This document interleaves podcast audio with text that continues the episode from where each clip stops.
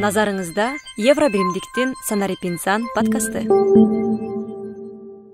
Кутмандуу күнүңүздөр менен урматтуу угармандар обудо санарипинсан подкасты жана бүгүнкү биздин коногубуз кыргыз республикасынын жогорку технологиялар паркынын аткаруучу директору чубак темиров. Саламатсызбы? Саламатсызбы. Саламатсызбы. Анан биринчи эле суроо жогорку технология паркы же болбосо парк высоких технологий деп тааныйт бул кандай уюм эмне ишмердүүлүктү аткарат саламатсыздарбы дагы бир жолу жогорку технологиялар паркы бул биринчиден атайын салык режими мамлекеттик уюм. Эки миң биринчи жылы атайын мыйзам кабыл алынган жогорку технологиялар паркы жөнүндө. Анын максаты ошол убакыттагы айти тармагында иштеген көмүскөдө иштеген айти компанияларды ачыкка чыгаруу болчу. Бул биринчи максаты. Экинчи максаты ошо экспорт жасаган компанияларды мамлекет тарабынан жардам берүү. Ушул максаттар коюлган да. Азыркы көбүнчө билгендер бул айти компаниялардын биргелешип бир мындай коомчулушу деп айтсак болот да. Эки миң биринчи жылы ошондой функциялар болсо азыр кандай иш аракеттер менен ишмердүүлүк менен багыттуу түрдө иштеп жатат? Азыр деле ошол эле багыттар менен иштеп барабыз. Негизи багыттар көп.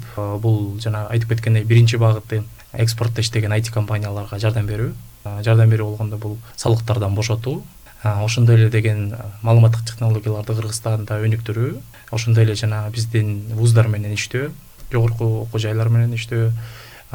Кандай бизде өзүңүз билесиңер айти тармагында деген компаниялардын саны өсүш үчүн адистер керек дайыма. Адиссиз бул тармак жакшы өнүкпөйт. Ошондуктан биз деген жогорку окуу жайлар менен жанагы эле мектептер менен иштеп барабыз бул дагы бир багыт. Ошондой эле жана сообщество деп коебуз го ошолор менен дагы биз жигердүү иштешебиз. Анткени алар аларга жардам бергенде алар биргелешип бир жерде кезигип ойлору менен бөлүшкөндө жаңы бир стартаптар жаңы компаниялар жаңы долбоорлор анан жаңы буйрутмалар алганга шарттар түзүлөт да. Технологиялар паркында жалпы эле мындай статистикалык маалыматтар барбы кыргызстанда маалыматтык технология кандай багытта өнүгүп жатат? Тенденциялар жөнүндө балким.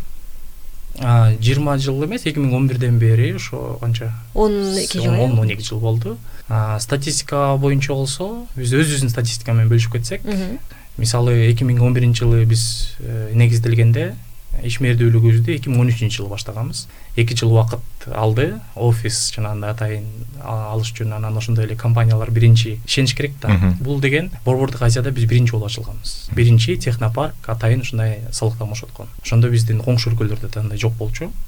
Биз жана белоруссиянын деген опытын алып ушул паркты биздин ошол убактагы негиздөөчүлөр ачкан. Ошол убакта эки миң он үчүнчү жылдын аягында үч компания биринчи э, парктын резиденттери катары катталышкан. Анан алардын санында алтымыштай киши иштешчү. Анан э, ошол жылдын жыйынтыгы боюнча он төрт миллион сом э, каражат табышкан да. Анан азыркы статистиканы бөлүшө кетсек ошол жылдан бери эмнеге жетиштик десек эки миң жыйырма экинчи жылдын жыйынтыктары азыр чыга элек. Биз жылдык чейректикти азыр деген ошону иштеп атабыз чыгарганга. Жыйырма биринчи жылдын жыйынтыгын айтсак эки миллиард ашык э, киреше табышты да.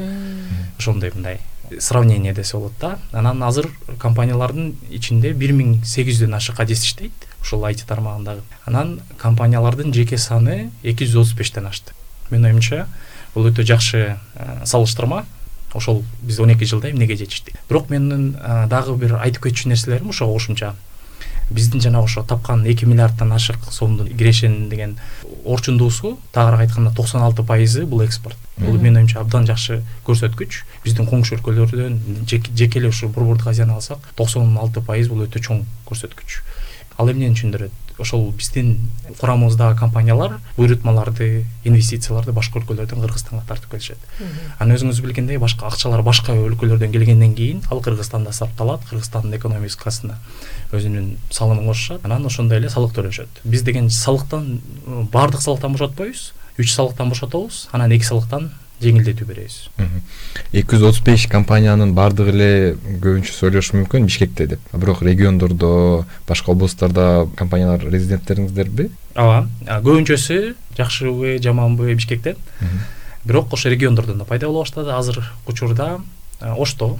Биздин эки үч резидент компаниябыз бар айти тармагында иштеген анан ошондой эле жана диспетчинг тармагында иштеген да. Мындай жөнөкөй тил менен айтканда колл центрлар ошондой компаниялар иштейт. Биз негизи багытты үч үч багытта иштейбиз да. Бирөөсү бул айти тармак программисттер программа жазышат же болбосо стартаптар экинчиси бул маалыматтар технологияларын экспорт жасаган компаниялар. Булардын курамында азыр ютубтер ютуберлер келет жана өзүңөр билет болушуңар керек. Ютуб тармагында да биздин мындан креативдүү инсандар жана компаниялар бар. Бул жана the billions бриллиант кнопкасын алган биздин эң э, ири кыйын компаниябыз. Анан ошондой эле дагы көп ушул тармакта да бир ондон ашык компания иш алып барышат да. Креативдүү тармагында анан үчүнчүсү бул колл центрлар интерактивдүү сервистик центрлар деп коет да бул тармакта бизде ошо жанагы традициондуу колл центрлер иштешет.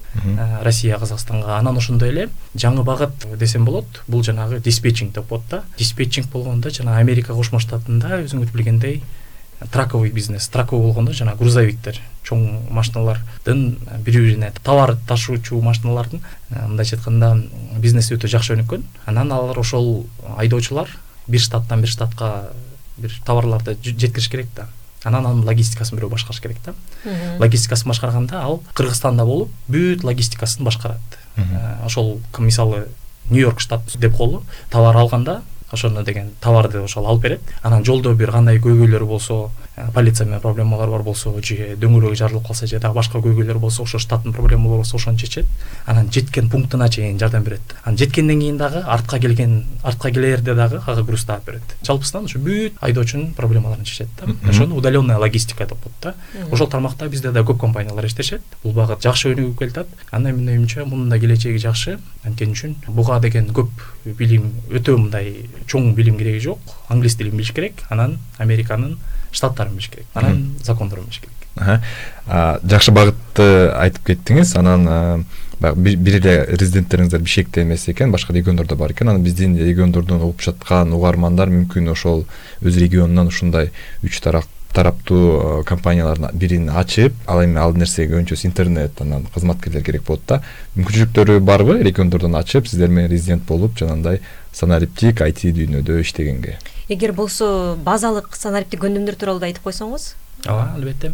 Бул өтө маанилүү суроо. Биринчиден жана сиз биринчи сурооңорго жооп берсек ооба болот. Айти тармагында мисалы бир программист алалы региондо иштеп баштаса буйрутмаларды алса ошол эле бишкектен бул биринчи баштаса болот. Анан жакынкы коңшу өлкөлөргө чыга баштаса болот. Анан интернет жакшы да любой точкадан иштей берсе болот. Эгерде англис тили бар болсо анда түзмө түз америка кошмо штаты менен иштегенге толук шарттар түзүлөт. Кээ бирөө ошентишет да өзүнө деген буйрутма алат анан команда формировать этет мисалы өзү ошто болсо деп болчу региондо эми. Анда өзүнүн командасын ана бери этип анан компания ачса болот. Бул биринчи же стартап кылса болот. Экинчиден жана колл центр тармагында диспетчинг ачса болот. Америка кошмо штатынан бир траковый компания таап туруп анан мен кыргызстанда силерге диспетчерский офис ачып берем деп команда чогултуп алып англис тилин үйрөтүп жана американын деген картасын үйрөтүп мисалычы анан жана санариптик жөндөмдөр жөнүндө айтып кеттиңер. Бул өтө маанилүү акыркы жылдары ошого чоң маани бере баштадык. Жогорку технологиялар парки анан жана башка мамлекеттик уюмдар анан жана жеке компаниялар. Бул өтө маанилүү эмне жагынан алар ошол жөндөмдөрдү билиш керек да интернет менен кантип колдонот кантип чыгат кантип буйрутмаларды алат. Анан көп эле ойлойт да. Мен программист болуп адис болгондон кийин эле буйрутма ала алам депчи. Бул деген туура эмес жакшы жагынан айтып кетейин любой жөндөмдү сатса болот да. Мисалы копирайтинг. Жакшы жазганды билсең ошондо эле сатса болот. Англис тилин билбей мисалы орус тилин билем деп э, кээ бирөө бар да жакшы жазам орус тилинде эле депчи. Көптөгөн жанагындай атайын платформалар бар биржалар бар. Жана биржа труда дегендей эле сыяктуу бирок онлайн да. Э, мисалы ошол мисал катары келтирип атпаймынбы орусча билген анан жакшы жазган адам болсо ал орус тилиндеги атайын российский бир биржа труда бар да ошого кирип өзүнө профиль ачып анан өзүнүн жөндөмдөрүн сатса болот а негизи ошо анан жөндөмдөрдөн алсак бул англис тилин үйрөнүү же болбосо жана базовый жана копирайтинг деп коебузбу же болбосо смм деп коебузбу же болбосо графический дизайн ошолор ошо базовый болуп кетет да. Же болбосо компьютер менен кантип колдонот анан интернетке кантип чыгат. Азыр сиз базалык санариптик көндүмдөрдү айтып атсаңыз ойго келип атат да. Университеттен маалыматтык технология тармагында бүтүп чыккан адистер канчалык суроо талапка жооп берип атат? Сапаттары кандай? Азыр акыркы жылдары жакшы болуп калды. Бирок жалпысынан бул жогорку окуу жайлардын эле проблема эмес көйгөй эмес. Бул негизи эле дүйнө жүзүндө көйгөй да. Ал маалыматтык технологиялар өтө бат өнүгүп атат да. Анан төрт жылдык программа жетишпей калып атат да. Көбүнчө учурдачы. Кууп жетпей калып атат жетпей калып атат. Жана передовой жогорку окуу жайлар дагы ууп жете албай калып атат. Анткени үчүн алар күндөн күнгө сааттан саатка өзгөрүп турат. Анан бирок ошону чечкенге аракет кылып атышат. Кантип чечкен атат бул жана базовый программа бар да ар бир жогорку окуу жайында. Анан жана элективдүү курстар бар да. Анан элективдүү курстарды мындай кичине гибкий кылганга аракет кылып атышат вуздарчы азыр. Гибкий болгондо жана азыркы бүгүнкү талаптарга жооп берген программаларды кийгенге аракет кылып атышат анткени үчүн бул программасы деген баары бир гост да. Обязательные предмети деген бар да. Ошолорду өтүш керек. Анан өтө мындай гибкий болуш оор да а бирок ошол бир мындайча айтканда чечими бул элективдүү курстарга ошо талапка жооп берген жаңы бир кандай курстарды кийирүү. Элективдүү. Бир ар бир тармакта деген өзүнүн базовый обязательный курстары бар анан элективдүү курстары бар да. Анан ошол менен кичине абагатка жооп бергенге аракет кылып атышат азыр бирок эң жакшы жумушту таап атат деген адистерди алсак бул деген жогорку окуу жайында окуган адам анан андан тышкары э, курстарга барган адам да. Э, жалпысынан эле жогорку окуу жайдын программасы жана берген билими жетпей калып атат. Анан жигердүү жумуш тапкан адам жөнүндө сүйлөсөк вузда окуган анан андан тышкары кошумча курстарга барган адамдар англис тил билген э англис тилин билген анан программированияны универден тышкары же жеке курстарга барып же болбосо онлайн курстар бар азыр.